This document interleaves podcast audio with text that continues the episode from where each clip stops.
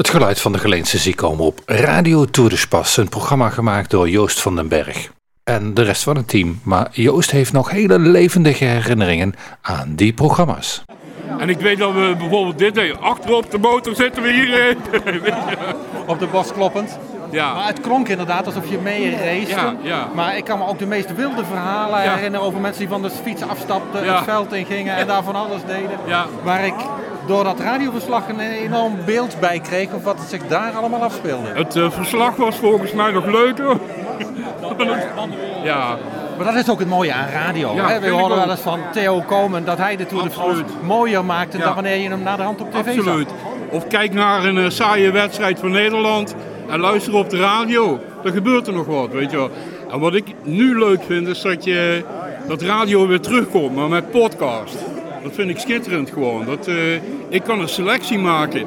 Ik, bedoel, ik irriteer me mateloos op Radio 1. 10 minuten voor 12 komt Dries Roelvink eh, in, eh, in de uitzending. Iedere dag. Ja, daar word je toch gek van. Als, ik, ik, ik schaam me er ook voor. Nou, dan kun je er allemaal uitgooien. Maar nou moet ik het aanhoren. Dat, ik snap ook niet dat het kan in Nederland.